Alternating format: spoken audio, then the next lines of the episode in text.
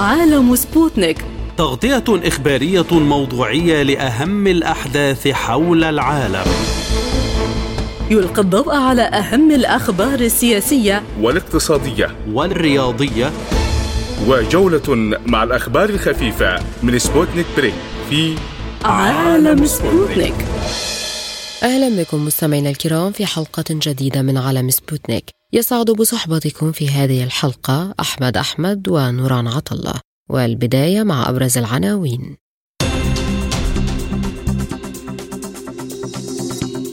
موسكو تحذر من توريد الولايات المتحدة صواريخ أتاكامز لأوكرانيا وتصفه بأنه طريق نحو الهاوية. إيران تؤكد أنها سترد على قرار تمديد الدول الغربية العقوبات المفروضة عليها. بلينكن يقول إن تطبيع العلاقات بين السعودية وإسرائيل ممكن لكنه غير مضمون. قوى الحرية والتغيير تحذر من تقسيم السودان إذا أقدم طرف الصراع على تشكيل حكومة في مواقع سيطرتهم. اقتصاديا صندوق النقد الدولي يؤكد أن عدم اتخاذ إجراءات عاجلة للإصلاح يعرض الاقتصاد اللبناني للكثير من الضغوط.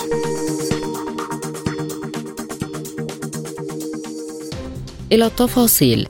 أكد نائب وزير الخارجية الروسي سيرجي ريباكوفا بأن إمداد الولايات المتحدة أوكرانيا بصواريخ هامز لن يغير الوضع على ساحة المعركة كما أنه نظرا للتصعيد المستمر من طرف واشنطن سيؤدي إلى الهاوية. وأضاف أنه تصعيد مستمر وتجاهل للتهديدات الواضحة المرتبطة بهذا الأمر لافتا إلى أن طريق دعم نظام كييف يتسم بالعمى والجنون ولن تغير هذه الخطوة الوضع في ساحة المعركة. وأضاف رياباكوف بأن هذه الخطوة ستجعل الأمريكيين يرفضون أي نهج عقلاني بشأن هذه المسألة. وأشار كذلك إلى أن هذه الخطوة تعيق إدخال عناصر من العقلانية في السياسة الغربية بشكل عام حيث يتبع حلف شمال الأطلسي والاتحاد الأوروبي وشركاء الولايات المتحدة نفس الخط المتصاعد موضحا أن هذا طريق تصعيد متعمد وهو طريق نحو الهاوية. إلى ذلك أفادت صحيفة فاينانشال تايمز البريطانية بأن قوات نظام كييف علقت هجومها بسبب عدم قدرة جيشها على القتال في وحدات كبيرة وعدم كفاية التدريب في الغرب. للمزيد من المتابعة ينضم إلينا من بيروت الخبير العسكري والاستراتيجي العميد دكتور أمين حطيط بعد تحية ما حقيقة ما يثار عن تعليق نظام كييف للهجوم المضاد وما أسباب ذلك؟ من الواضح أن كييف باتت في موضع ميداني ومشهد ميداني صعب ومعقد. بنتيجة الضربات الروسية التي أفقدتها الكثير من قدراتها العسكرية الميدانية وحرمتها من تحشيد القوى بالشكل الذي يمكنها من الانطلاق في عمل جديد. خاصة بعد الفشل الذريع الذي واجهته في هجوم الربيع المضاد والذي أدى إلى خسائر فادحة على الصعيدين آه، المادي والبشري. آه، فأفقدها قدراتها على الترميم السريع. والآن رغم الضغط الأمريكي على كييف للانطلاق بهجوم تعويضي لتعوض الخسارة والفشل في هجوم الربيع فنجد ان أن كييف التي تعرف مقدار قدرتها المتواضعة بعد الخسائر الكبيرة التي لحقت بها. تعرف أن مزيدا من من الهجومات يعني مزيدا من الخسائر وتسريعا في الانهيار. لذلك آه، هناك صراع بين إرادتين الآن آه، على الأرض آه، الأوكرانية بين إرادة القيادة الأمريكية للعدوان التدخل بكل أشكاله وإرادة كييف آه، التي آه، تمارس العمليات الميدانية. الأولى تريد الهجوم والاستمرار في العمليات القتالية وإطالة أمد الصراع، والثانية تمتنع عن هذا الأمر حتى لا تكرر الخسائر وقبل خاصة آه، هي تعرف أن تحضيراتها واستعداداتها لم تكتمل لم تكتمل. على الصعيد العديد لم تعوض خسائرها وعلى صعيد التجهيز رغم المساعدات العسكرية الغربية الباهظة والكبيرة التي تعطى لها فإنها لم تعوض هذه الخسائر لسببين. السبب الأول عدم قدرة الجيش الأوكراني لاستيعاب الأسلحة الجديدة ثانيا آه، عدم التناسق بين قدرات هذه الأسلحة وخبرات الجيش الأوكراني لكل ذلك الأسباب لكل تلك الأسباب نجد أن كيف تتهرب من الضغط الأمريكي الذي يلزمها بانطلاق هجوم جديد. ما خيارات موسكو للرد على توريد واشنطن صواريخ اتاكامز لنظام كييف؟ موسكو اتبعت استراتيجية المواجهة بشكل مثلث العناوين. آه، العنوان الأول هي التتبع والمراقبة وإمكانية تدمير المساعدات قبل وصولها إلى الجبهة. والعنوان الثاني تدمير هذه آه، آه، المساعدات عند تسليمها أو عند نقلها إلى الجبهة. والعنوان الثالث اتخاذ الإجراءات الدفاعية آه، والحمائية التي تمنع تلك الأسلحة من تحقيق أغراضها في مواجهة الجيش الروسي وبالتالي على هذه العناوين الثلاثة أي الاستباقي والوقائي والدفاعي تعمل آه، موسكو للتملص من فعالية الأسلحة والذخائر التي تعطى لكييف من قبل الغرب.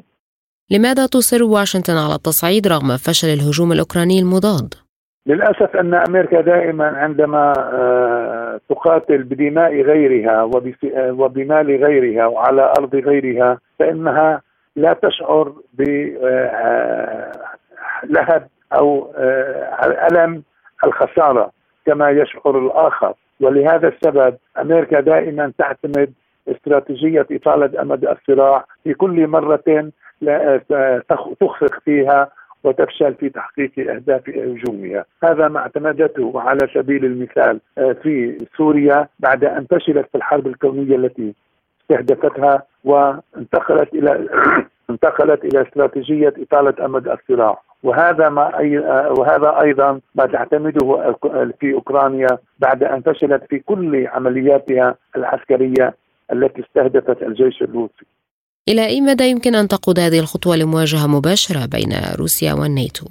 الناتو يعرف أن أي مواجهة عسكرية آه، مع روسيا لن تبقى محصورة في جغرافيا معينة وهو يخشى أن تتمدد خارج أوكرانيا آه، لذلك آه، بنى الناتو بازدحام بقيادة أمريكية استراتيجيته على أساس الحرب البديلة وحصرها الحرب البديلة المحصورة جغرافيا في أوكرانيا. ولهذا السبب هو يمتنع عن دفع الأمور إلى درجة تجبر تجبر موسكو للتوجه نحو دول الناتو. وهذا أيضا ينطبق على روسيا لأن روسيا لا تشعر أن هناك مصلحة بالمواجهة المباشرة ميدانيا على مع الناتو. فبالتالي الطرفان يتجنبان هذه المواجهة وأعتقد أن هذه المواجهة المباشرة بين روسيا والناتو لن تحصل. حذرت وزارة الخارجية الإيرانية أمس الجمعة الدول الأوروبية من مواصلة العقوبات المفروضة عليها بسبب عدم امتثال طهران المزعوم لالتزاماتها النووية. وأضافت أن إيران تعتبر قرار الاتحاد الأوروبي وثلاث دول أوروبية بعدم الوفاء بالتزاماتها بحلول السنة الثامنة من خطة العمل الشاملة المشتركة غير قانوني ويتعارض مع التزاماتها بموجب خطة العمل الشاملة المشتركة والقرار 2231 كما أنه عمل يخلق التوتر وتصاحبه نوايا خبيثة. وتابعت أن تصرفات الأطراف الأوروبية سيكون لها بالتأكيد آثار سلبية على جهود إدارة التوتر وخلق بيئة مناسبة لمزيد من التعاون بين أطراف خطة العمل الشاملة المشتركة. وأكدت أن طهران سترد بشكل مناسب وفي إطار حقوقها على هذا على هذا العمل الاستفزازي غير القانوني الذي يشكل انتهاكا واضحا لالتزامات الاتحاد الأوروبي وفرنسا وألمانيا وإنجلترا وفقا لخطة العمل الشامله المشتركة والأمم المتحدة وقرار مجلس الأمن رقم 2231 وللمزيد من المتابعة ينضم إلينا من طهران المحلل السياسي حسين روي ورن. سيدي بعد التحية ما دوافع الغرب لتمديد العقوبات الغربية المفروضة على طهران؟ آه يعني آه ما يقوم به الغرب هو عدوانية أوروبا التي ملتزمة بالاتفاق النووي بخلاف أمريكا التي انقلبت على الاتفاق الذي وقع عام 2015 آه الآن هي تكشف عن حقيقتها من خلال آه ما أعلنت عنه. يعني آه الاتفاق النووي يفرض رفع العقوبات عن إيران في المجال التسليحي آه، بعد ثمان سنوات. الآن عندما يحين هذا الوقت تقول أمريكا آه، الدول الأوروبية وخاصة الدول الثلاث بريطانيا وفرنسا وألمانيا أنها ستبقى ملتزمة بالعقوبات رغم أن الاتفاق يفرض آه، رفع هذه العقوبات بعد ثمان سنوات. هذا يعني أن أوروبا لا تريد أو تتناقض مع ذاتها في الالتزام بالاتفاق النووي. هي تكذب عندما تقول أنها ملتزمة بالاتفاق آه وعندما يفرض الاتفاق بعض الالتزامات هي تأتي وتفرض عقوبات في ذات المجال خارج إطار الاتفاق وهذا آه، يعكس التناقض السلوكي الغربي تجاه إيران آه، في المجالات المختلفة. ما طبيعة الرد الإيراني على هذه الخطوة كما أعلنت الخارجية الإيرانية؟ يعني ليس هناك من تصريح حول طبيعة الرد آه، ولكن عندما لا تلتزم الدول الغربية بالاتفاق من الطبيعي جدا أن لا تلتزم إيران أيضا. آه، هناك التزامات لا زالت إيران تلتزمها. رغم أن أمريكا انقلبت على الاتفاق عام 2018 ولكن آه، لحد الآن ليس من الواضح ماذا ستقوم به إيران تجاه هذا السلوك العدواني الأوروبي ضد إيران.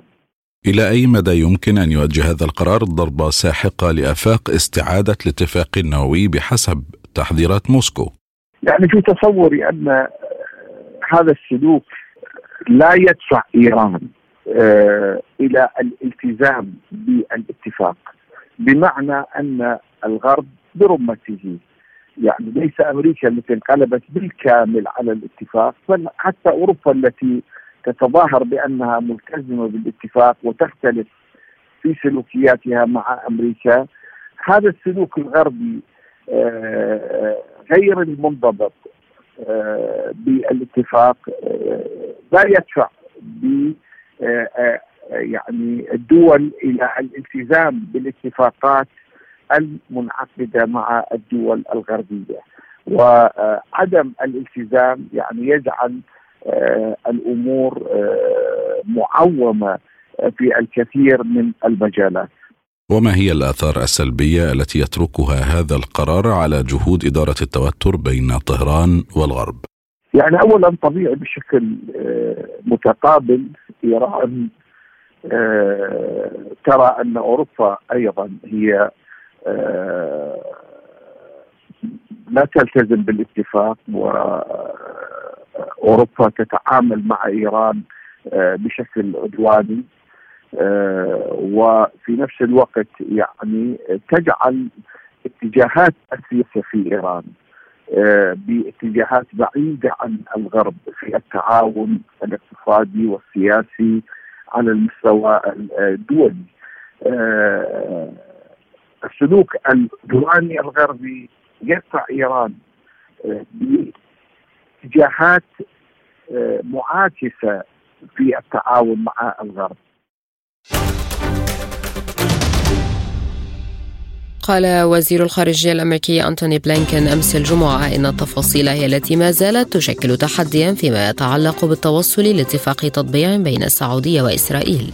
وأضاف أن تطبيع العلاقات بين السعودية وإسرائيل يخدم مصالح البلدين ويخدم أيضا مصالح الولايات المتحدة. وأوضح بلينكن في مؤتمر صحفي مع نظيرته الألمانية أنه على الرغم من أنه يرى أن تطبيع العلاقات بين البلدين ممكن جدا إلا أن هذا الأمر في كل الأحوال غير مضمون. وأضاف بلينكن أن التوصل إلى اتفاق تطبيع بين السعودية وإسرائيل من شأنه أن ينطوي على بعض التنازلات للفلسطينيين من قبل إسرائيل وقد يجعل المنطقة حرفيا أفضل للمزيد من المتابعة ينضم إلينا من برلين المحلل السياسي رضوان قاسم بعد التحية يعني هل يمكن القول أن المساعي الأمريكية للتوصل اتفاق تطبيع العلاقات بين الرياض وتل أبيب فشلت على الأقل في الوقت الحالي؟ آه، هي آه، اولا آه، أسعد الله أوقاتكم بكل خير. تحياتي لكم ولمستمعيكم الأعزاء. هي السياسات الأمريكية فشلت على عدة محاور ليس على هذا المحور فقط. المساعي التي سعت إليها الولايات المتحدة الأمريكية للتطبيع مع الكيان الإسرائيلي والدول العربية هي كانت قديمة ويعني جديدة ليس بجديد على هذا الموضوع. لكن أثبتت الأحداث وال يعني كل المساعي بأن الأمريكي يفشل في هذه المساعي لأنه لا يعرف حقيقة المنطقة، لا يعرف حقيقة شعوب هذه المنطقة، وأيضا لا يعرف سياسات هذه المنطقة، هو خارج عن عن نطاق الواقع الذي تعيشه هذه المنطقة، هذه من ناحية، من ناحية أخرى الأمريكي يسعى دائما إلى تسييس سياسته في العالم وكأنها أمر واقع، وهذا غير صحيح، يعني لا يمكن لنا أن نتعامل مع الواقع بأنه أو أو بفرضية أمريكية ممكن أن تتصورها لتفرضها على المجتمعات الدولية. من هنا هذه السياسات فشلت فشلا ذريعا رغم أن العديد من الحكومات التي آه، يعني تأثرت بالضغوطات الأمريكية وطبعت مع الكيان الإسرائيلي لكن آه، آه، يعني باعتراف الإسرائيليين أنفسهم وباعتراف الأمريكيين أنفسهم أن التطبيع لا يكتمل إذا لم يكتمل مع لا يتم التطبيع مع الشعوب. والشعوب شعوب منطقة الدول العربية لا يمكن لها أن تطبع مع الإسرائيلي طالما أن هنالك حقوق للشعب الفلسطيني لم تعد آه، آه، إلى يعني آه، تحصل عليها الشعوب الفلسطينية أو الشعب الفلسطيني لم يحصل على حقوقه. هذا من ناحية، من ناحية أخرى أن حتى الأنظمة التي طبعت مع الكيان الإسرائيلي عند عند الحقيقة نجد أنها تقف بجانب الشعب الفلسطيني حتى لو فقط يعني بالإعلام الرسمي. هذا يك يك يعني يكفي على أن التطبيع آه، آه، ناقص يعني لا يمكن له أن يتم. وخاصة أن هذه الشعوب الدول العربية اليوم والأنظمة العربية تتجه بمنحى آخر عما كانت آه، تتمناه أو ترغب به الولايات المتحدة. الأمريكية. هذا في الماضي فكيف بك بالحاضر اليوم التي أثبتت الوقائع والحقائق أن السياسة الأمريكية تتراجع والقوة الأمريكية تتراجع في العالم حتى أن الكثير من دول العالم لم تعد تلتزم بالقرارات الأمريكية ولم تعد تهاب الضغوطات الأمريكية وأن وقعت عليها لأن أصبح للو... يعني لحقيقة العالم آه، ذاهب إلى تعدد القطبية آه، آه، إلى إلى تعدد الأوجه السياسية وليس هنالك يعني دولة واحدة أو أو أو قوة واحدة تستطيع حكم هذا العالم. من هنا Arizona. نعرف أن تعددية القطبية أخر كثيرا وتراجعت الولايات المتحدة الأمريكية كثيرا في هذا العالم التي لم تعد قادرة على فرض شروطها وعلى فرض ضغوطاتها على الدول العربية أو غير العربية. آه، في موضوع التطبيع آه، يعني هنالك العديد من الدول وخاصة مثلا على على سبيل المثال ليس الحصر المملكة العربية السعودية يحاول الأمريكي دائما أن يضغط على المملكة العربية السعودية من أجل التطبيع لكن يفشل آه، في أغلب الأحيان بل حتى اليوم فشل فشلا ذريعا بهذه الضغوطات وبهذه المحاولات لأسباب عديدة، اولا تراجعه كما ذكرنا، ثانيا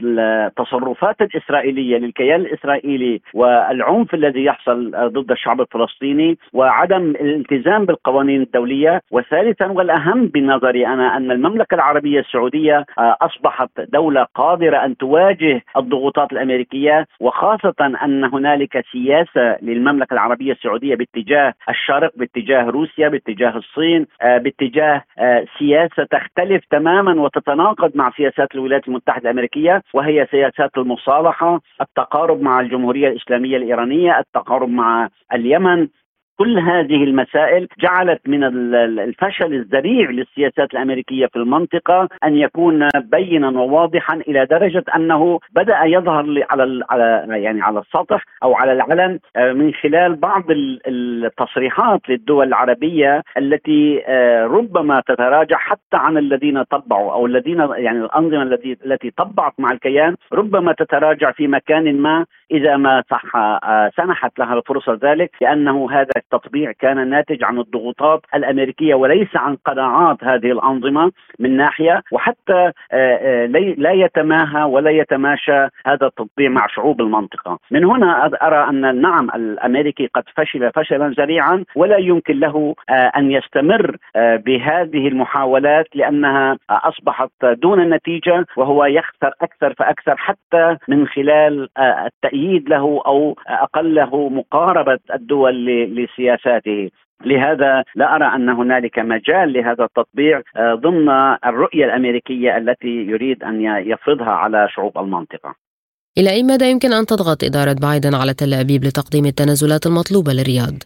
يعني آه، اولا نعم نعرف أن بايدن هو أضعف بكثير من من أن يضغط على آه، آه، الكيان الإسرائيلي. يعني وخاصة نحن نعرف أن اليوم الضغوطات الداخل في الداخل الإسرائيلي هو هي كثيرة وكافية بما يكفي أو أو يعني كفيلة بكل ال ال ال الضغوط التي يمكن لأن ترفض الضغوطات من قبل جو بايدن أو غير جو بايدن لأنه ما يريده جو بايدن لا يتماهى مع سياسات الحكومة الإسرائيلية. هذه من من ناحية هنالك حكومة متطرفة يمين آه، قوي آه، في الداخل الإسرائيلي. آه، هنالك مظاهرات ضد القرارات التي تتخذها الحكومة. فأي قرار لا يتناسب مع هذه الحكومة سيكون نهايته الفشل لهذه الحكومة وأسقاط حكومة نتنياهو. ومن هنا لا يستطيع الرئيس الأمريكي جو بايدن أن يضغط على الحكومة الإسرائيلية لأنه يعرف تماما المعرفة أنه ليس باستطاعة نتنياهو أن يستجيب لهذه الضغوطات. هذه من ناحية. من ناحية أخرى لا ننسى أن هنالك بعض الخلافات السياسية ما بين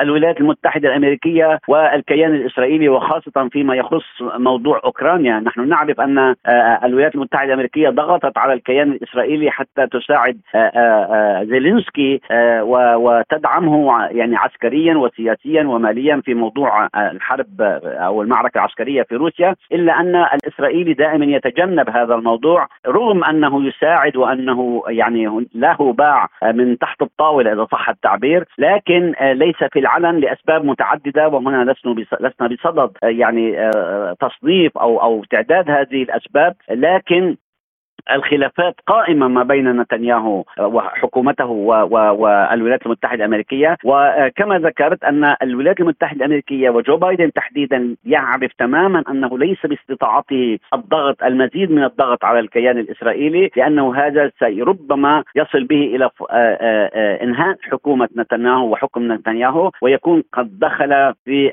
النفق المظلم الذي لا يمكن الخروج بعده في حكومة مستقل يعني مستقبلية. آه هذا من ناحية. من ناحية أخرى آه آه نحن نعرف أن الولايات المتحدة الأمريكية ليست دائما تستطيع فرض شروطها وفرض ضغوطاتها على على إسرائيل بل كان هنالك حتى في الكيان الإسرائيلي كان هنالك رفض لبعض المطالب الأمريكية وحتى وصل بهم الأمر إلى أن يتجسسوا على على القيادات الأمريكية وعلى الإدارة الأمريكية، يعني هذه هذه ليس هذا ليس بجديد، لهذا السبب آه، الإسرائيلي لا يلتزم بالقانون القانون الدولي، لا يلتزم بالأنظمة الدولية، آه، يعني هو يعمل ما يعني ما هو في مصلحته. دون النظر عن الدول التي تحاول الضغط أو تحاول آه، يعني أن تفرض عليه شروطا أو تطلب منه وعودا. وهذا ليس فقط في الولايات المتحدة الأمريكية أيضا مع الدول الأوروبية. الكثير الكثير من الطلبات اللي كانت كانت أمريكية أو أوروبية مثلا بوقف الاستيطان على سبيل المثال بعدم آه، استعمال العنف مع الفلسطينيين.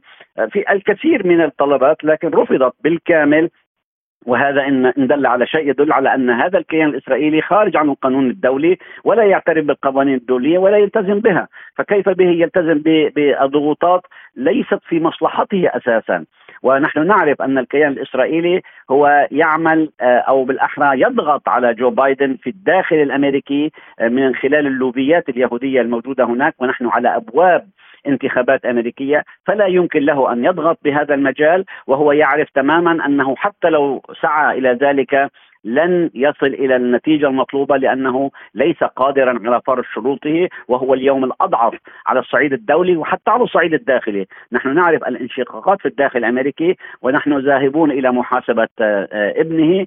اذا نحن في معركة داخلية أمريكية سياسية واقتصادية وما هنالك. هذا إن دل على شيء يدل على أن القدرة الأمريكية لم تعد كسياسة نحن نتحدث كإدارة إدارة جو بايدن لم تعد قادرة على فرض شروطها لا على الكيان الإسرائيلي ولا على غيره من من الدول والكيانات الأخرى. حذرت قوى الحرية والتغيير التجمع السياسي المدني الرئيسي في السودان. أمس الجمعة من أن البلاد قد تنقسم وتنزلق إلى حرب اهليه طويلة الأمد إذا شكل جانب الصراع العسكريان حكومتين متناحرتين. يأتي تحذير قوى الحرية والتغيير بعد أن هدد قائد قوات الدعم السريع محمد حمدان داجلو حمتي بتشكيل سلطة حاكمة في المناطق الخاضعة لسيطرة قواته. وقالت قوى الحرية والتغيير في بيان نشرته على صفحتها في فيسبوك أنه انطلاقا من موقفها التاريخي والوطني تعلن رفضها التام لهذا الاتجاه الذي يبذر بذور تفتيت وحدة السودان ويعمق الصراع ويوسع دائرة الحرب تمهيدا لتحويلها لحرب أهلية شاملة. وأوضحت أنها ستعمل أيضا على تشجيع طرفي الصراع على الجلوس للتفاوض من أجل وقف الحرب ومعالجة الوضع الإنساني الكارثي بحسب البيان. وللمزيد من المتابعة تنضم إلينا من السودان المحللة السياسية الدكتورة تماضر طيب أحمد. سيدتي بعد تحية بداية ما مدى إمكانية إقدام كل من طرفي الصراع على تشكيل حكومة في مناطق سيطرة كل منهما؟ آه نعم. آه خروج البرهان من الخرطوم آه كان يوحي يوحي بالبدء والشروع في تشكيل. حكومة تكون في شرق السودان ويكون مقرها بورت السودان باعتبار أن بورت السودان آه يعني أكثر ولايات السودان أمنا باعتبار أنها بعيدة خالص من آه أن تكون في متناول يد الدعم السريع لأن الدعم السريع آه بعد انتشاره المتمجد في الخرطوم آه يمكن أن يهدد ولايات الشمال مثلا ولاية نهر النيل يمكن أن يهدد أيضا ولاية الجزيرة باعتبار قرب ولايتي الجزيرة ونهر النيل آه الخرطوم. كانت هذه الخطوة آه فعلا يعني أوحد بذلك خصوصا عندما أعلنت وزارة الخارجية بإمكانية الحصول على أراضي وبناء مباني تخص وزارة الخارجية في مدينة بورت السودان. أيضا آه عمل وزارة المالية الذي يمارس في مدينة بورت السودان فهذا كان بداية آه انتقال للعاصمة آه من الخرطوم إلى بورت السودان ولو في وقت محدد يتعلق بأيام آه الحرب. أنا بس في تقديري أن هذه الخطوة منحت قوات الدعم السريع الفرصة للدخول في حرب أخرى. اللي هي حرب تتعلق ب يعني زيادة النزاع من نزاع مثلا مسلح لنزاع آخر. إذا قمتم بتشكيل حكومة في بورت السودان سوف نقوم بتشكيل حكومة في مناطق سيطرتنا. أنا بفتكر إن الطرفين بيواجهوا تحديات كبيرة جدا في تشكيل هذه الحكومات.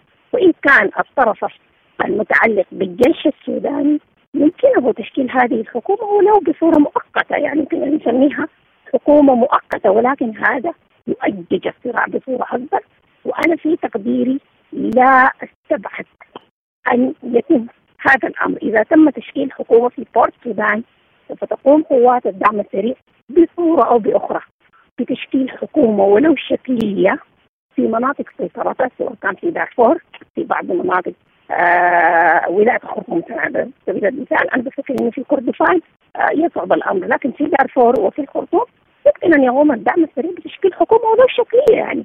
الحكومات آه أنا بفتكر يعني عندنا في السودان مثلا. الحكومة لا تحتاج إلى شرعية شعبية لأن هي حكومات أصلا آه تقوم على أساس الانقلابات العسكرية. الآن آه هناك طرفي نزاع إذا صح التعبير سواء كان ميليشيا الدعم السريع أو الجيش السوداني. يمكنهم أن يقيموا حكوماتهم بالطريقة التي يرونها مناسبة للشعب الآن ليس لديه أي آه قدرة على فعل أي شيء. المواطن السوداني الآن يبحث عن مكان آمن للسكن ويبحث عن قوت يومه. لأن الآن ال ال ال ال الخاسر الأكبر في هذه المعركة هو الشعب السوداني ليس لديه أي فكرة في أن يدعم حكومة أو يكون آه تكون هذه الحكومة تمثله وهناك من يرفض وجود البرهان والشعب السوداني كله يرفض الدعم السريع لما قام به من آه يعني انتهاك ل آه يعني خصوصيات المواطن السوداني في في هذه المسألة. فأنا في تقديري على الرغم من أن الكثير يستبعد إمكانية الدعم السريع في إنه يقيم حكومة في مناطق سيطرته ولكن أنا لا أستبعد السودان فيه تجارب كثيرة جدا. يعني عندنا مثلا جبال النوبة في فترة سابقة حتى في فترة النظام المباد يعني كانت هنالك حكومه في جبال النوبة. فهذا في تقديري يعني هذا الأمر ليس بالصعب ما تأثير هذه الخطوة إن حدثت على وحدة السودان؟ أنا بفتكر وحدة السودان يعني ضربت منذ قيام الحرب في 15 من أبريل يعني أنا بفتكر إنها كانت بداية آه، النهاية لأي خطوات تتعلق بتوحيد السودان. اقليم دارفور يعني كان منذ قيام الحرب في دارفور في 2003 كانت هنالك إشكالية وتخوف من إمكانية حدوث نزاع قد يفصل دارفور كما تم انفصال الجنوب في السابق. رغم الظروف الأوضاع مختلفة ولكن يعني إمكانية التفتت كانت آه، يعني سهلة. الآن أنا بفتكر السودان هو يعني لا لا يمكن أن يمر في آه، سبيل الوحدة الآن. الآن السودان يبحث عن مخرج من هذه الحرب. وبالتالي إذا تم تشكيل حكومتين آه، في السودان بكل تأكيد سوف يكون لديه تأثير كبير جدا في مسألة التقسيم. وأنا بفتكر آه، مسألة مسألة الوحدة الآن في هذا الوقت هي ليست المسألة المطروحة، المطروحة الآن هو وقف الحرب. وأنا في تقديري إذا تم وقف الحرب عن طريق تفاوض أو آه، لا يمكن أصلا أن يكون هنالك طرف منتصر، سيكون هنالك تفاوض وأنا بفتكر هو التفاوض نفسه قد يفضي إلى تشكيل حكومتين في في البلاد، أنا بفتكر يعني المسألة هي خارج سيطرة الطرفين. إلى أي مدى يقود ذلك إلى إطالة أمد الحرب وتوسعها لحرب أهلية شاملة كما حذرت قوى الحرية والتغيير؟ آه، أمد الحرب مرتبط بمدى قوة طرفي الصراع ومدى يعني تسلحهم ومدى آه، إمكانية صمودهم خاصة فيما يتعلق بالمخزون من الأسلحة والذخائر آه إذا يعني افترضنا أن هنالك يعني إشكالية في في إيصال الإمدادات آه لمثلا آه، ميليشيا الدعم السريع. آه الأمر يتطلب أو عفوا يتوقف على مدى التسلح اللي هي القدرة العسكرية ومدى الاحتياط من الأسلحة الموجودة، لكن إمكانية انتصار طرف على الآخر هذه مستبعدة في هذه الظروف وفي هذا الشكل من الحروب خصوصا هي حرب مدن خاصة فيما يتعلق بالحرب في الخرطوم، اليوم هنالك اشتباكات عنيفة في محيط القيادة العامة، اشتباكات عنيفة في جنوب الخرطوم، منطقة المدرعات. هنالك اشتباكات في سلاح المهندسين هنالك اشتباكات في سلاح الإشارة. وهذه مناطق استراتيجية للجيش الآن هو يدافع عنها بصورة آه، يعني مستميتة. فالحرب ستطول إذا لم تكن هنالك آه، وسيلة للتفاوض وسيلة للتصالح الآن التشاكس الذي يحدث بتشكيل حكومتين آه هذا يطيل أمد الحرب بكل تأكيد. ولكن كما ذكرت الأمر يتوقف على مدى آه المخزون من الأسلحة لدى الطرفين. وما مصير الجهود الدبلوماسية لإنهاء الأزمة في السودان في ظل كل هذه التطورات؟ الجهود الدبلوماسية حتى الآن أراها ضعيفة جدا بحسب وجهة نظري آه، هنالك إشكالية أيضا في مدى قبول المحاولات الدبلوماسية خصوصا آه، رفض الجيش السوداني للمحاولات العاليه الرباعية. آه، أيضا آه، لديه رأي الآن في ما يقوم به الاتحاد الأفريقي من التحرك. فأنا بفتكر إنه الرفض الذي يأتي بين وقت وآخر هو أيضا يعرقل مساعي الدبلوماسية، الدبلوماسية تحتاج إلى نفس طويل، الدبلوماسية تحتاج إلى القبول، الدبلوماسية تحتاج إلى التنازل. إذا لم تكن هذه الأمور موجودة آه سيطول أمد الحرب بكل تأكيد وستفشل.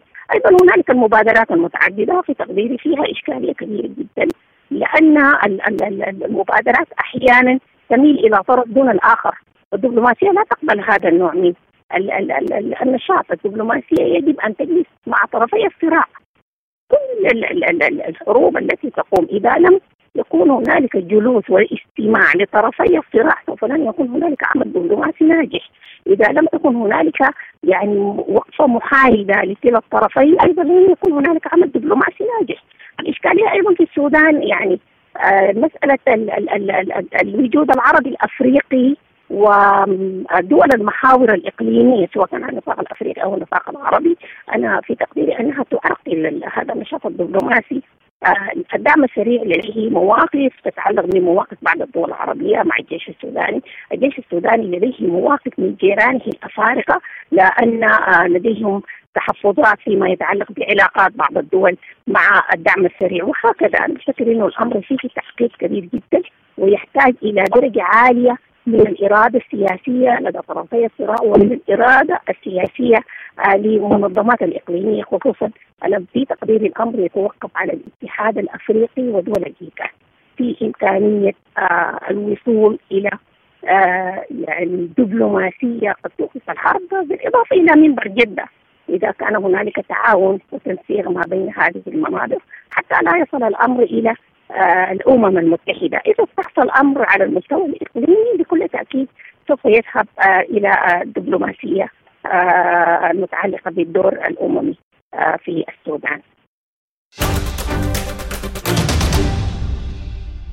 رحب صندوق النقد الدولي بسياسات مصرف لبنان المركزي للحفاظ على الاستقرار النقدي. لكنه أكد أن عدم اتخاذ إجراءات عاجلة للإصلاح في لبنان يعرض الاقتصاد للمزيد من الضغوط. وفي وقت سابق أعلن وسيم منصوري القائم بأعمال حاكم مصرف لبنان المركزي أن المصرف قام بالتدخل للحفاظ على الاستقرار النقدي وأن هذا التدخل تم من خارج الاحتياطات. وصرح منصوري خلال مؤتمر صحفي بأن التدخل تم خلال الشهر الماضي وأنه لم يكلف لبنان أي مبلغ من الاحتياطيات حيث تم اتخاذ الإجراءات من مصادر أخرى وأضاف أنه تم التوافق والتشاور مع رئيس الحكومة نجيب ميقاتي ووزير المال يوسف خليل بأن الاستقرار المالي سيكون الأولوية في المرحلة المقبلة. للمزيد ينضم إلينا من لبنان الخبير الاقتصادي دكتور نسيب غبريال. سيدي بعد التحية بداية ما أهمية الخطوة التي أعلنها المصرف المركزي اللبناني بالتدخل للحفاظ على الاستقرار النقدي. اولا يعني مصرف لبنان أخذ عدة قرارات منذ تبديل الحاكم في مصرف لبنان انتهاء ولاية الحاكم رياض سلامه واستلام نائبه الأول وسيم منصوري. أهم هذه القرارات هو وقف تسليف الدولة اللبنانية إن كان بالليرة اللبنانية أو بالدولار الأمريكي. وثانيا تشجيع المجلس النواب إقرار قوانين إصلاحية. منها إقرار موازنة 2023 ومشروع قانون ال capital control ومشروع قانون إعادة التوازن إلى القطاع المالي ومشروع قانون إعادة هيكلة المصارف. والقرار الثالث هو آه، إطلاق آه، منصة إلكترونية لتحديد سعر صرف الدولار الحقيقي في الاقتصاد اللبناني. مصرف لبنان آه، ليس بصدد التدخل لتثبيت سعر الصرف ولكن يمكن أن يتدخل في السوق انتقائيا لتجنب آه، تداعيات وتقلبات حادة في سعر الصرف. ولكن هذه المنصة تحتاج لبعض الوقت لأن تنطلق يعني لا أعتقد أنها ستنطلق قبل شهرين. آه، لتنتهي التحضيرات التقنية والاتفاقات آه، مع المؤسسات المالية والمصارف التي هي ستكون لاعب أساسي على هذه المنصة.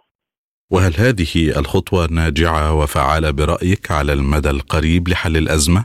هو هي احدى الإجراءات الضرورية ولكن غير كافية وقال حاكم مصرف لبنان بشكل واضح أن وصندوق النقد أيضا قالها قالها بشكل واضح أن على السلطات التشريعية والتنفيذية تحمل مسؤولياتها وخصوصا السلطة التشريعية من خلال إقرار القوانين الإصلاحية التي جزء منها موجود في مجلس النواب و لا يناقش ولا يقار لأن مجلس النواب يعتبر اليوم هيئة انتخابية في غياب رئيس الجمهورية وأولويته انتخاب رئيس الجمهورية.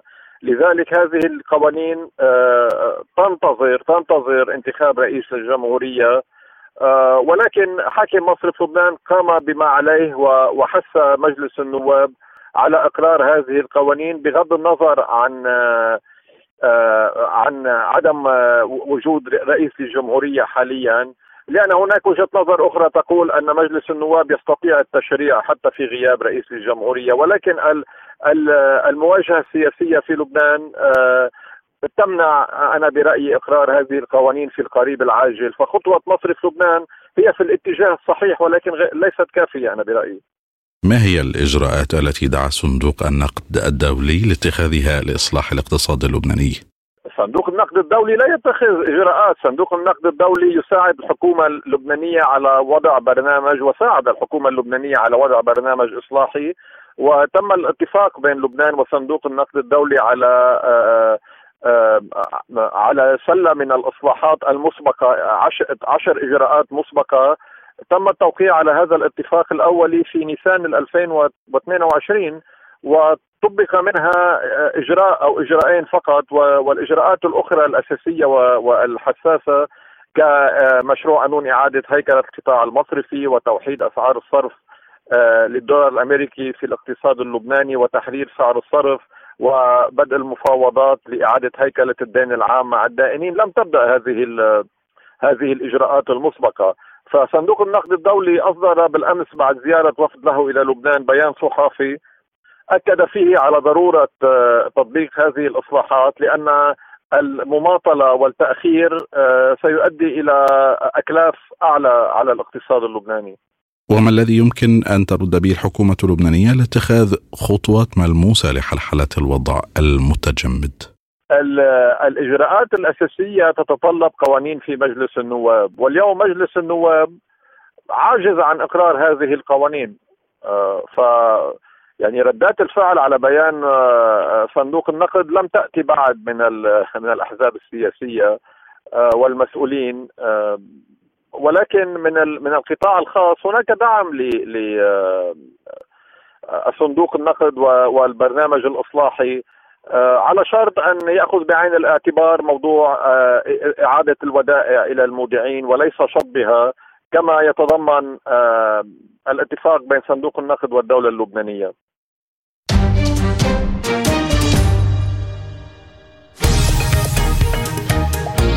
عالم سبوتنيك يغطي جميع الأحداث السياسية والاقتصادية والرياضية حول العالم.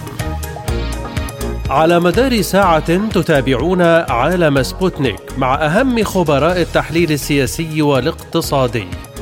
نقترب معكم في متابعة دقيقة من القضايا السياسية والاقتصادية، كما نستعرض أهم الأخبار الرياضية والفنية والبيئية. انتظروا عالم سبوتنيك أيام الجمعة والسبت والأحد من كل أسبوع. مساحة حرة برنامج يسلط الضوء على أهم القضايا الاجتماعية والاقتصادية حول العالم. في مساحة حرة تنوع في الآراء وثراء في النقاش. مساحة حرة يأتيكم عبر راديو سبوتنيك الاثنين والخميس من كل أسبوع. الآن مستمعينا إليكم جولة إخبارية حول العالم. أكد رئيس المركز الصحافي لوحدات مجموعة قوات الجنوب التابعة للقوات الروسية جورجي ميناشفيلي أن مدفعية المجموعة المشاركة في العملية العسكرية الخاصة دمرت تسع مركبات عسكرية أوكرانية في جمهورية دونتسك الشعبية خلال ال 24 ساعة الماضية بما في ذلك مركبة مشاة قتالية من طراز برادلي. وأضاف أن مدفعية وحدات مجموعة قوات الجنوب أصابت مستودع ذخيرة ميداني في فيسيول وهي نقطة انتشار مؤقتة لوحدة من لواء المشاة الآلي رقم 59 التابع للقوات المسلحة الأوكرانية في بيرفومايسكي.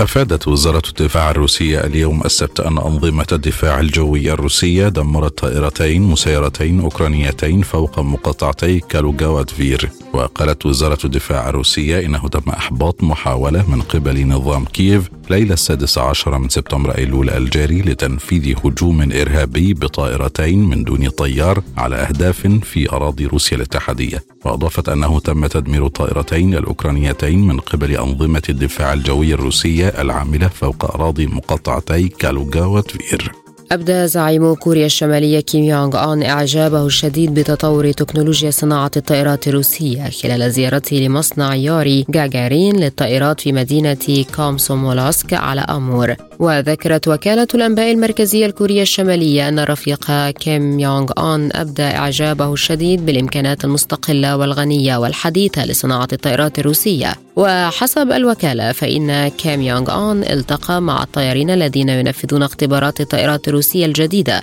وتفقد قمرة قيادة مقاتلة الجيل الخامس الروسية من طراز سو 57 وتعرف على خصائصها التقنية. قال رئيس بعثة اللجنة الدولية للصليب الأحمر في روسيا بوريس ميشيل اليوم السبت إن اللجنة الدولية للصليب الأحمر على استعداد للتوسط بين روسيا وأوكرانيا في موضوع تبادل الأسرى إذا طلب الطرفان ذلك. وأشار ميشيل إلى أن سلطات الدولتين منخرطة في هذا الشأن. وأن المنظمة ليست جزءا من هذه العملية لكنها مستعدة للعمل كطرف محايد ووسيط إذا طلبت منها الأطراف القيام بذلك. كما نوه ميشيل بأن رئيسة اللجنة الدولية للصليب الأحمر مريانا سبولياريتش تخطط لزيارة موسكو آملا أن يحدث ذلك قبل نهاية العام وأن تتمكن فعليا من مقابلة الرئيس الروسي تماما كما التقت الرئيس الصيني الأسبوع الماضي. طالبت قبرص الدولة العضو في الاتحاد الأوروبي من التكتل مراجعة وضع سوريا كدولة لا يمكن إعادة اللاجئين إليها. وذلك بعدما تدفق إليها في الآونة الأخيرة أعداد كبيرة عبر البحر من طالب اللجوء معظمهم من السوريين. وقال وزير الداخلية أمس الجمعة إنه سيحاول إقناع الاتحاد الأوروبي والأمم المتحدة بإنهاء وضع سوريا كدولة غير آمنة لا يمكن إعادة اللاجئين إليها. وأوضح أن الاتحاد ترك وضع سوريا من دون تغيير مدة 11 عاما وهناك حاجة إلى مراجعة ذلك لأن بعض المناطق تعد فيها آمنة. شدد مجلس النواب اليمني على ضرورة أن يكون الحل السياسي للصراع في البلاد على أساس المرجعيات الثلاث المتمثلة بالمبادرة الخليجية ومخرجات مؤتمر الحوار وقرارات مجلس الأمن وخاصه القرار 2216 مشككا في جدية جماعة أنصار الله في تحقيق السلام. ودعت هيئة رئاسة مجلس النواب اليمني مجلس القيادة وجميع القوى السياسية والحكومة إلى رص الصفوف ودراسة كل الخيارات بدءا بخيار السلام وانتهاء بخيار استعادة الدولة بكل الوسائل الممكنة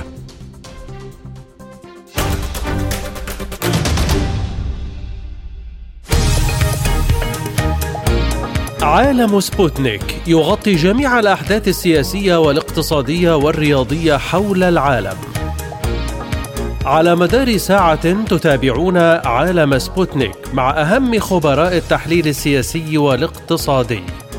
نقترب معكم في متابعة دقيقة من القضايا السياسية والاقتصادية، كما نستعرض أهم الأخبار الرياضية والفنية والبيئية.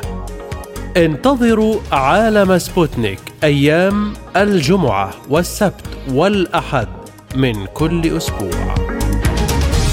مساحة حرة يأتيكم عبر راديو سبوتنيك الاثنين والخميس من كل أسبوع. مستمرون معكم وهذه تذكرة بأهم العناوين.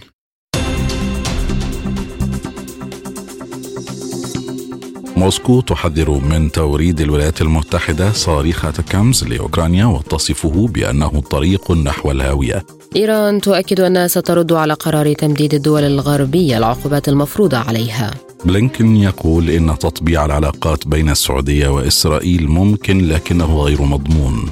قوى الحرية والتغيير تحذر من تقسيم السودان إذا أقدم طرفا الصراع على تشكيل حكومة في مواقع سيطرتهم. اقتصاديا صندوق النقد الدولي يؤكد أن عدم اتخاذ إجراءات عاجلة للإصلاح يعرض الاقتصاد اللبناني للكثير من الضغوط.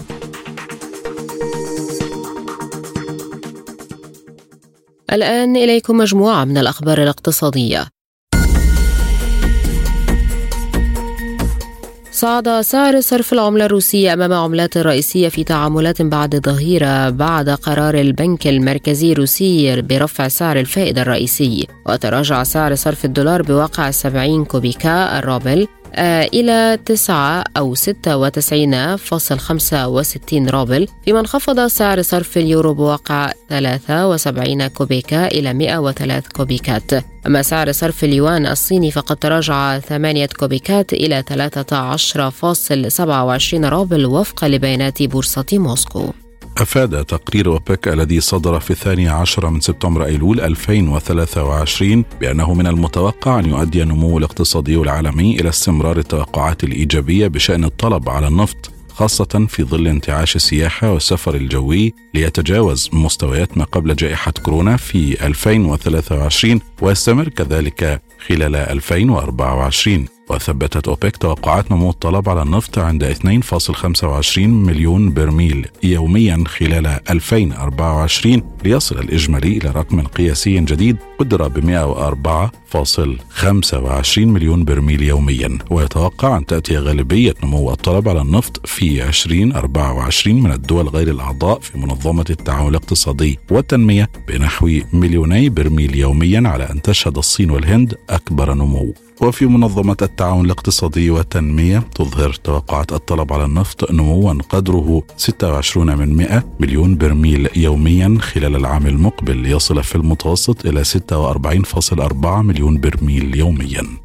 قال رئيس الوزراء الإسباني بيدرو سانشيز إن بلاده تدقق في خطة استحواذ شركة الاتصالات السعودية STC على حصة في تليفونيكا والتي ستصبح بموجبها أكبر مساهم في شركة الاتصالات الإسبانية. وأضاف على هامش فعاليات في مدريد أمس الجمعة أن الحكومة الإسبانية تفحص عملية الاستثمار بدقة مشيرا إلى أن بلاده لديها الأدوات المناسبة لفرض الضوابط اللازمة وستضمن حماية الدفاع والأمن الوطنيين على نطاق واسع. دائما. وتابع أن بلاده ستعمل أيضا على ضمان عدم تجاوز أي استثمار أجنبي للحدود التي قد تؤثر على الشركات الاستراتيجية بشكل غير مناسب أو تصل إلى التقنيات الحيوية. ويعد هذا أول تصريح علني من سانشاز بخصوص الصفقة منذ الإعلان عنها خلال الأسبوع الماضي لكنه لم يذكر أسماء الشركات مفضلا الإشارة في حديثه فقط إلى المستثمرين الأجانب الذين استحوذوا على حصة في شركة اتصالات استراتيجية في إسبانيا.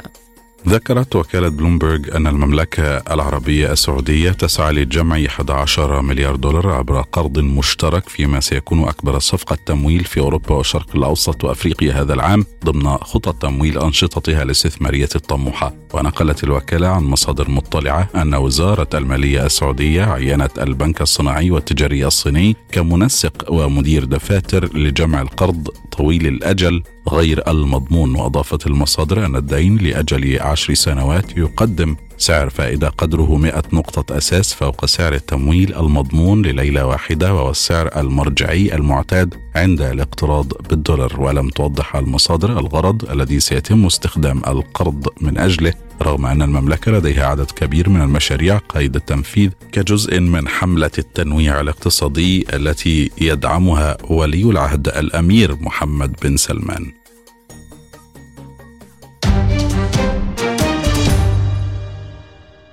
الآن إليكم مجموعة من الأخبار الرياضية. توج اتحاد العاصمة الجزائري ببطولة كأس السوبر الأفريقي لأول مرة في تاريخه بعد فوزه على الأهلي المصري بهدف دون رد. في المباراة التي جمعتهم على ملعب مدينة الملك عبد الله بالطائف في المملكة العربية السعودية. سجل هدف اتحاد العاصمة والمباراة الوحيد اللاعب زين الدين بالعيد في الدقيقة الثانية والأربعين من ركلة جزاء. ويشار إلى أن هذه هي المرة الثالثة التي يخسر فيها الأهلي كأس السوبر الأفريقي.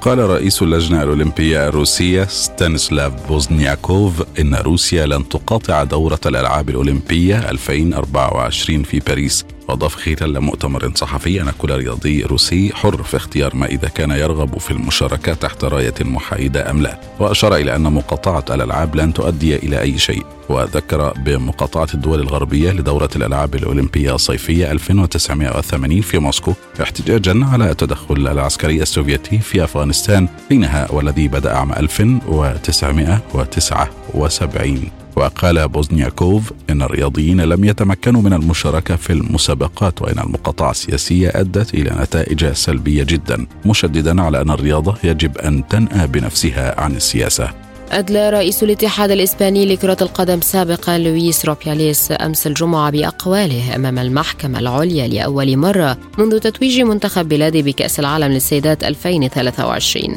وذكرت تقارير إعلامية أن روبياليس أنكر الاتهامات الموجهة إليه بالاعتداء الجنسي بعدما أثارت قبلته للاعبة خط الوسط في المنتخب الإسباني للسيدات جينيفر هيرموسو على شفتيها لغضب واسع. ورغم الإنكار أصدرت المحكمة بناء على طلب النيابة أمرا بمنع روبياليس من الاقتراب لمسافة 200 متر من هيرموسو في الوقت الذي طالبت فيه النيابة بإبعاده لمسافة 500 متر. وذكرت التقارير أيضا أن المحكمة أمرت روبياليس بعدم التواصل نهائيا مع اللاعبة تأهل اللاعب الاسكواش المصري علي فرج لنهائي بطولة قطر للاسكواش بعد فوزه على الويلزي جويل ماكين في مباراة نصف النهائي أمس الجمعة. وقال فرج خلال المؤتمر الصحفي عقب المباراة أن المواجهة أمام منافس عنيد يتمتع بلياقة بدنية عالية كانت قوية ولكنه نجح في الفوز بعد مجهود كبير بذله خلال اللقاء. وأضاف أن المباراة النهائية اليوم السبت أمام البيروفي دياغو إلياس الذي يملك قوة بدنية بجانب تميزه بالكفاءة في إنهاء الهجمات ستكون صعبة للغاية. وأشار فرج إلى أن دور الجماهير المصرية في مساندته كبير للغاية معربا عن اعتقاده أنها ستكون أكبر سلاح له في مباراة النهائي.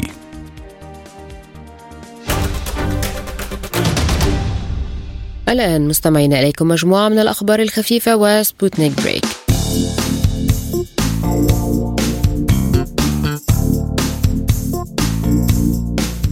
أفاد مراسل وكالة سبوتنيك أمس الجمعة بأن مركبة الفضاء سويوز MS 24 وعلى متنها رائد الفضاء الروسيان أوليغ كونونينكو ونيكولاي تشوب بالإضافة إلى رائد الفضاء من وكالة ناسا لورال أوهارا وصلت إلى محطة الفضاء الدولية. وانطلق الصاروخ من منصة الإطلاق رقم 31 في بايكونور الساعة 18 بتوقيت موسكو وبعد دقائق قليلة أطلقت السفينة إلى مدار أرضي منخفض وانفصلت عن مرحلتها الثالثة وبدأت رحلة مستقلة إلى محطة الفضاء الدولية. ويقوم كونونينكو بالرحلة الخامسة في حياته المهنية ويطير تشوب وأوهارا إلى الفضاء لأول مرة. وسيقضي كونونينكو وتشوب سنة في محطة الفضاء الدولية وأوهارا ستة أشهر. وبعد نتائج هذه الرحلة سيصبح قائد المفرزة الروسية أول شخص يقضي أكثر من ألف يوم في الفضاء إجمالا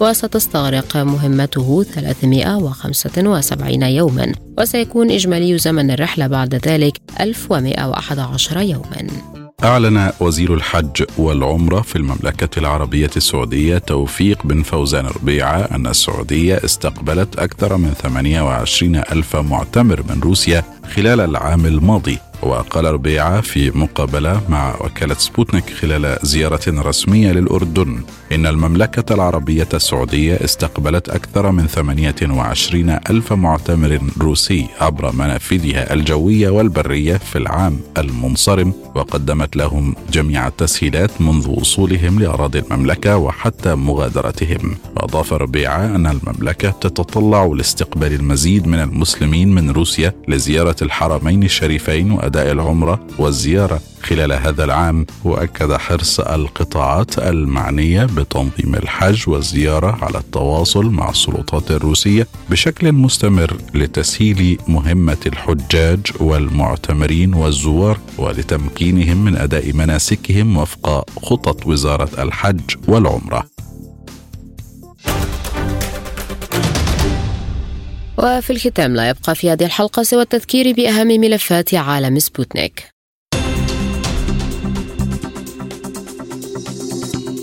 موسكو تحذر من توريد الولايات المتحدة صواريخ أتاكمز لأوكرانيا وتصفه بأنه طريق نحو الهاوية. إيران تؤكد أنها سترد على قرار تمديد الدول الغربية العقوبات المفروضة عليها. بلينكن يقول إن تطبيع العلاقات بين السعودية وإسرائيل ممكن لكنه غير مضمون. قوى الحرية والتغيير تحذر من تقسيم السودان إذا أقدم طرفا الصراع على تشكيل حكومة في مواقع سيطرتهم. اقتصاديا صندوق النقد الدولي يؤكد أن عدم اتخاذ إجراءات عاجلة للإصلاح يعرض الاقتصاد اللبناني للكثير من الضغوط. ورياضيا اتحاد العاصمة الجزائري يتوج ببطولة السوبر الأفريقي بعد فوز على الأهلي المصري 1-0 للمزيد زوروا موقعنا سبوتنيك إلى اللقاء.